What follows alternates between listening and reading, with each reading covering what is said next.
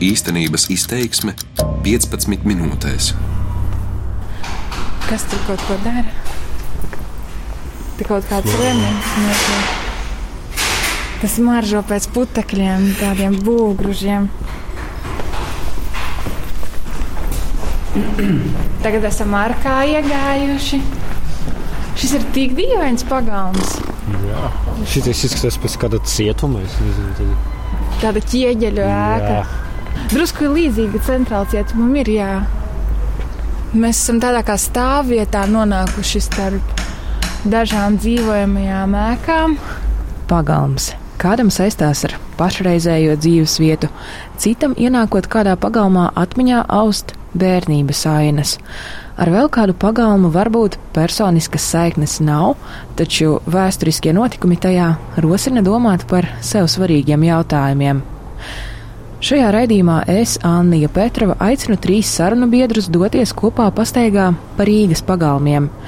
Dīdzis Bērziņš, Latvijas Universitātes sociālo zinātņu fakultātes docents, aizveda uz Maskavas forštates, kādreizējā Rīgas geto, pagalmu, kurā slēpās ebreju tēlnieks Elmārs Rīvošs. Viņam bija mazs bērns un sieva, kas gāja bojā, acīm redzot, rumbulā, tad viņš palika pēc tam šeit viens, un, un, un visi to redzēja, kā šeit notiek.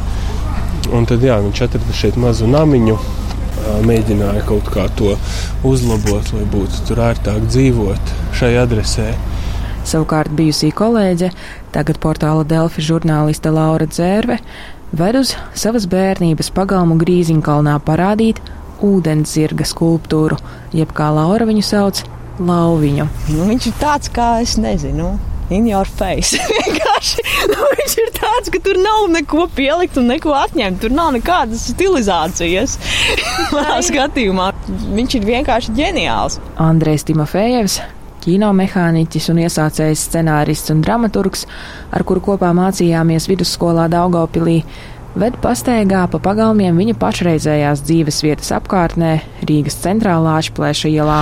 Kāpēc es gribēju izveidot raidījumu, pastaigājoties ar cilvēkiem pa pagalmu? Tāpēc, ka Rīgā tieši pagalmi ir tās vietas, kas man sāka patikt Rīgā. Kādēļ es sāku vairāk saprast šo pilsētu, kādēļ man iepatikās šī pilsēta. Un, Nē. Pagalmos ir tā sajūta, tā laika sajūta, cilvēku sajūta. Tā ir. Jā. Uzreiz jāpiebilst, ka, protams, kādam pagalms var kļūt arī par mākslas objektu, vēl daudz ko citu. Viens pagalms var iemiesot visu iepriekš nosaukto, vai arī nenozīmēt neko. Mēs redzam, ka pie tādas pēckara ķieģeļu mājas Ir piebūvēta vēl viena ļoti savāda daļa, it kā sastāv no vispār ļoti dažādām daļām. Rekur pirmais stāvs, ķieģeļu otrais vispār ir ar kādu režģi, ar restēm, ar trešais ir arī, kaut kādas metāla plāksnes, arī ar durvis siena. durvis sienā, kuras nekur neved, Un logs. piektais vai ne? Tas vispār, nu, tas ir citi stāvi, nevis šitai mājai. 1, 2, 3 un 4 stāvā ir kāda ļoti saudabīga vieta ar ļoti lielām logām, kura man izskatās pēc kādas kafeškas. Bet 4. stāvā diez vai. Ah, pagaidi, tas laikam ir rekur, kur ir dzelteni ķieģeļi. Tas ir mana māja, Aha, mans dzīvoklis. un sanāk, tu vienkārši pirmo reizi pienāci pie savas mājas no otras puses. Jā, jā tieši tā. Tu nezināji, ka te kaut kāda piebūve tik dīvaina klāta. Jā, es redzēju, ka tur tip, ka kaut kāda. Kaut kāds jumts? Jā, kaut kāds jumts ir. Nu, re, jā, tas ir visinteresantākais laikam Rīgā, Rīgas pagalmos. Nu, kā visādas blēņas, muļķības vispār. Nu, kas tas ir? Tas vispār nav loģiski, bet tomēr tā ir. Lieva Tolstoja, kad romānā viņš rakstījis, ka viskaistākās lietas ir lietas, kur nav simetrijas. Tas attiecas arī uz Rīgas pagalmiem. Tagad dodamies uz Andreja dzīvojamās mājas pagalmu. Tas ir tepat blakus.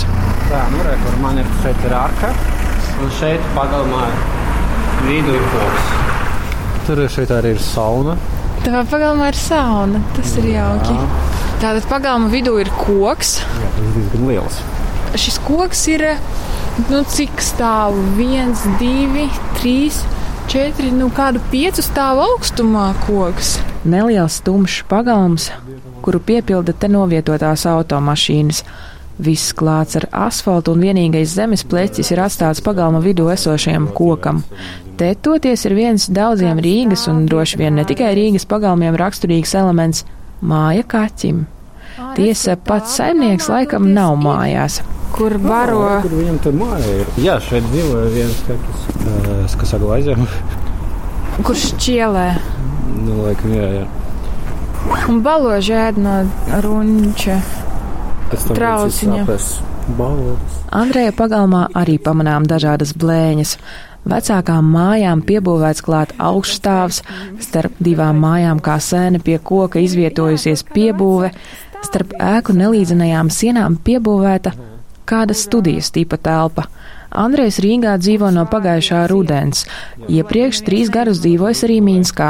Spriežam, cik gan interesanti laiks mainīs šī pagalma izskatu. Rīga tu vari redzēt, nu, kā vesturi. Pagalmos ir ļoti daudz visādu vēstures slāņu, ļoti daudz visādu elementu, kuri ir no dažādām vietām, no dažādiem laikiem. Un Minskā, piemēram, tāda vispār nav, jo uh, visi pagalmi ir tādi maksimum no 30, 40 gadu veci. Taču mūsu doma lidojumu pārtrauc kāds vecs vīrs, kurš izgājis pagalmā uzsmēķēt. Просто интересно, Здесь, по-моему, ничего интересного нет. как Абсолютно. абсолютно. Потому что здесь Они видно. просто испортили это, это испортили. Ну, не знаю. Česlavs uzskata, ka te absolūti nekā interesanta nesot. Cilvēki visu esot sabojājuši. Pastāsta, cik skaista esot tāda friča gaļa iela Rīgā, kas gan tagad saucoties citādāk, aicina labāk doties uz turieni. Kā vēlāk noskaidroja Česlavs runā par Alberta ielu. Lauviņai būs varbūt rekonstrukcija. Paskaties, ir salikti apkārt dažādi dēlīši. Izskatās, ka, izskatās, ka lauviņa piemeklēs jaunu laiki. Lauviņa, starp citu, ir valsts nozīmes mākslas piemineklis, es vakar izlasīju. Zini, neizskatās. Uz nākamo pagalmu dodamies ar bijušo kolēģi, žurnālisti Lauru Dzērvi. Esam Grīziņkalnā un uz šī pagalma rotaļu laukumu un pastaigāties Lauru bērnībā, 80. gadu sākumā, veda vecvecmamma. Nē, tā lauka, ir raksturo, viņi raksturo vienkārši. Nu, ir tādi tēli, acīm redzot, kas ir iekšā. Kaut kas tāds līdzīgs kā Sandras Glāzupas balss. Un tas ir, nu, gadi, man saka, pagalms, tad es iedomājos jūras lauvu. Plašā pagalma vidū ir tēlnieka Riharda Maura skulptūra Ūdenzirgs. Pēc 12 gadiem skulptūrai būs 100 gadu, un tā tas arī izskatās. Grūti, grūti pateikt, kāpēc šis valsts mākslas piemineklis izskatās tik bēdīgi. Es pat teiktu, traģiski. Nu, viņš izskatās traģiski, bet no otras puses, ja mēģina neieraudzīt to, to apskritušo podestu un paskatās tikai uz ūdenzirgu vai jūras lauvu, manā skatījumā tur nekas nav pazaudēts. Jo tēlnieks viņu arī ir izveidojis tik gruntīgu un viengabalainu, es teiktu. Pamatīgi. Nu, ļoti pamatīgi. Bet nu, bērnībā, protams, ka tā bija vieta, kur mēs visi rāpāmies virsū uz ūdenzirga. Un tur varēja uzrāpties mierīgi, un bija skaidrs, ka ūdenzirgam nekas slikts nenotiks. Bet nu, tagad ir noticis, diemžēl, beidzot, ka viņš ir viscaur apdrupījis. Bet tajā laikā, kad tas svēri ļoti maz, tad tas nav nelikās. Par ūdenzirga nākotni satraukušies arī apkārtējo māju iedzīvotāji, ar kuriem uzsākam sarunu. Viss te ir brūk kopā. Nu. Ronis jau savā laikā, es vēl atceros, vēl ūdens tecēja. Jā, mūsu bērni, kad bija mazi, tas bija? Es tagad neatceros. 89. 80. 90. bija, jā. Vēl bija. ūdeni mums laida iekšā Tad mūsu es- bērniem. Nu, jā, es te biju 80. tieši, bet es tik labi neatceros. Man liekas, ka varbūt bija ūdens, bet es precīzi neatceros. Nē, nu viņu To savu laida roku palaida. uz savu roku. Te tāds mums pagalmā ģaģa vaņa, kur, kurš jau ir viņa saulē. Un tā, kad ģaģam vaņam bērni paprasīja, tad viņš palaida to ūdeni. Tagad iedzīvotāji nolēma par savu naudu uzlabot ūdenzirga stāvokli. Tur tad pa tām šuvēm iet mitrums, un tas ronīts jau, jau tūlīt sadalīsies. drīz tā, ko jūs priecājaties, tā nobruks nos, tagad vienkārši tiek saglabāts, lai, tas, nu, tā, lai viņš nesabrūk vispār. Tas saprot. Jo viņam tur ir plaisa Plaisa. vidu. Nu, taču ir ārprāts. Nu, Nu, redz, viņi tur pieķerās pirms divām dienām klāt. Nu. Iekšās mitrums, un viņš plēš, sasalst un plēš. Jau pametot pagalmu, uzmetam acis tā tukšajam un paplukušajam rotaļu laukumam. Augstajā rudens rītā bērni te nespēlējas. Tomēr laukumiņš atsauc Laurai atmiņā kādu spilgtu bērnības ainiņu, par kuru gardi smejamies atlikušo ceļu. Es atceros, ka vienreiz mēs šūpojāmies ar vienu puisēnu. Es iepazinos, un man liekas, ka mēs tur visu dienu pavadījām, kas noteikti bija kādas 40 minūtes. Un tad mēs šūpojāmies, un bija mugurā tāds kostīmiņš vasaras. Man bija tāds oranžs šorti un tāds balts ar oranžu, tāds krekliņš ar sēnīti labajā pusē. Tāds pilnīgi jauns un uzdāvināts. Un tad mēs tur šūpojāmies, un man bija diezgan īsa mati nogriezta toreiz. Un mēs tur pļāpājām, un kā tādi labākie draugi. Un pašā beigās man tas puisis prasīja, vai es esmu puika vai meitene. un, un tad es smējos, un, un beigās viņš teica, ka vienalga. Tomēr ir pagalmi, par kuriem to ciemiņiem savu atmiņu nav. Par tiem atmiņās rakstījuši citi. Šie pagalmi ļauj iztēloties un tikai mēģināt aptvert, kā te ir bijis kādreiz. Man liekas, ka šī ir tā vietiņa. Šī ir tā vieta. Tā ir adrese, kur viņš dzīvoja tādā mazā namiņā, un reti ir sarakstīts, ka tas ir privāti īpašums. Ieja aizliegta. Dīdis Bērziņš, Latvijas Universitātes sociālo zinātņu fakultātes docents, pastaigā pa Maskavas forštati, atved mani uz pagalmu, kurā patvērumu rada ebreju tēlnieks Elmārs Rīvošs. Didis arī izstāsta par kādreizējo Rīgas geto. Jo mums cilvēkiem jau eh, nepatīk to atzīt, bet mēs esam ļoti atkarīgi no situācijas. Un eh, tā situācija, ko nacisti radīja ebrejiem šeit, 41. gadā, man šķiet, ka baisāka vairs nevar būt. Ne, un, un tad, tad ir interesanti padomāt, kā cilvēki rīkojās, kāpēc tā rīkojās. Un, un no vienas puses es teicu, ka situācija mūs ļoti ietekmē, bet tas, protams, nav viss stāsts, ja, jo, jo šeit tematā iekļaujas arī Žanis Lipke. Proti šādos apstākļos ir arī Žanis Lipke, kurš rīkojas citādāk, riskē ar savu un tuvinieku dzīvību, glābjot ebrejus, pretojas un nepakļaujas viņa prāt prettiesiskiem likumiem un noteikumiem. Ar Didzi runājam arī par vietējo iedzīvotāju iesaisti noziegumos. Viņš īsumā atgādina šīs vietas vēsturi, kad nacistiskās okupācijas laikā 12 kvartālos sadzina apmēram 30 tūkstošus ebreju. Līdz tam šeit dzīvoja trīs reizes mazāk cilvēku. Lielā geto vēsture bija ļoti īsa. Un, un starp citu, tos lielos vārtus aizslēdz 25. oktobrī. Nu, tā tad ļoti tuvu tam datumam, kurā mēs te runājamies, aptuveni ap šo laiku. Bet lielā geto vēsture ļoti īsa. Divās dienās, 30. novembrī, nu tā tad nedaudz vairāk par mēnesi, 30. novembrī un 8. decembrī lielāko daļu 25,000 kājām eh, dzina uz rumbulu 8 km no šejienes un tur nogalināja. Līdz šiem notikumiem gan cilvēki šeit dzīvoja briesmīgos apstākļos. Mēģināja izdzīvot, un Elmārs Rīvošs bija viens no retajiem, kuram izdzīvot izdevās. Viņš slēpās nelielā mājā pagalmā, pie kura aizvērtajiem vārtiem tagad stāvam. Šobrīd man liekas, ka tas namiņš ir nojaukts. Varbūt tas bija tur dziļāk, ja es saprotu, bet, bet tur tagad ir tāda liela divstāvu māja. Tur tagad Varbūt, stāv tā vietā. Tur tagad stāv kungs ar trim suņiem. Es tiešām es gribēju ieiet, bet es ieraudzīju tos trīs suņus. Jā, nē, nu tur ir vēl viens žoks. Es tur kā jau teicu, bija vienreiz ielīdis. Tomēr man neliek miera zinkārība. Man pilnīgi gribas iemāzt degunu, bet es nezinu. Nu, mēs varam pamēģināt. Mēs varam pamēģināt. Jā, jo es to aprakstu šobrīd es neatkārtoju, es neatceros precīzi, kāds tas namiņš bija, bet nu, manā atmiņā tāds maziņš viens stāvu. Ar, ar dažām, man liekas, tur bija divas istabiņas. Pagalmā atrodas dzīvojams divstāvu ķieģeļu nams un tālāk vēl mazas mājas. Šī mājiņa mēs varam noticēt, ka ir saglabājusies no tā laika. Vai, vai tam bija logi? Šī vieta ir arī nofotografēta, tādās atmiņās ielikta. Bet nu, arī ar tekstu, ka šai vietā tas nams atradās.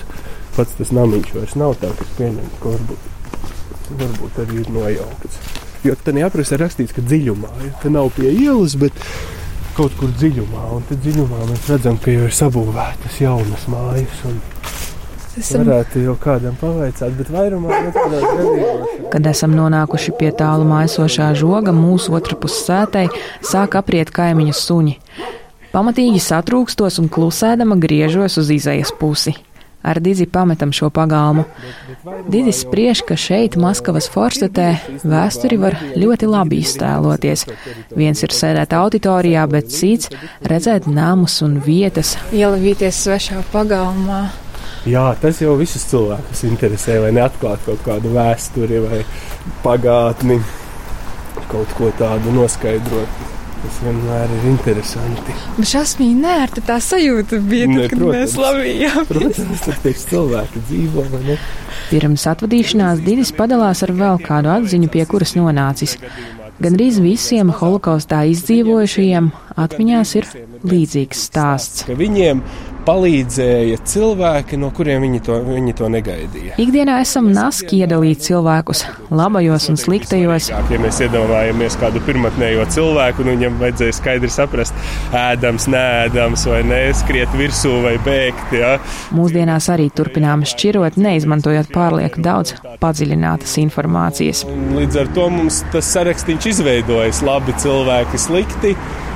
Un, un kas ir interesanti tajā gadījumā, ka tajos jaunajos apstākļos, kur nu, tā kategorizācija jau sākās, kurš man ir gatavs glābt, kurš tādos apstākļos ir gatavs riskēt ar savu dzīvību, lai man palīdzētu, strauji nomainījās tas, kur ir labie cilvēki un tas, kur ir sliktie. Ja? Tie vairs nebija tie, kuri uzsmaida vai tie, kuri pasaka kaut kādu sliktāku vārdu vai atburkšu pretī, bet izrādījās, ka tie, kas smaida laikam un, un liekas tie jaukie, nu, nebija tie, kas. Jo, jo runājot arī par Žanu Lipku, kā piemēru, vēlreiz, vai ne? Viņš jau arī visdrīzāk nebija tas, kuru mēs teiktu, visforšākais cilvēks miera apstākļos, bet redzējos drausmīgajos kara apstākļos. Viņš izrādījās viens no retajiem, kurš riskēja ar savu dzīvību, lai, lai censtos glābt citus. Šķietami tik vien kā klīšana pa pagalmiem rosina uz domām un pārdomām par tik dažādiem jautājumiem. Iespējams, šīs pastaigas rosinās arī kādu klausītāju doties pastaigā, vai varbūt vienkārši atsaukt atmiņā un ar svaigu skatu palūkoties uz savu šī brīža, bērnības vai arī kādu it kā ļoti svešu pagalmu. Raidījumu veidoja Anna Petrova un skaņu operators Renārs Steimanis. Paldies saku maniem sarunu biedriem Dizim Bērziņam, Laurai Dzērvei un Andrejam Timofejevam. Darbības vārds īstenības izteiksmē izsaka darbību kā realitāti. Tagatnē, pagātnē vai nākotnē, vai arī to noliedz.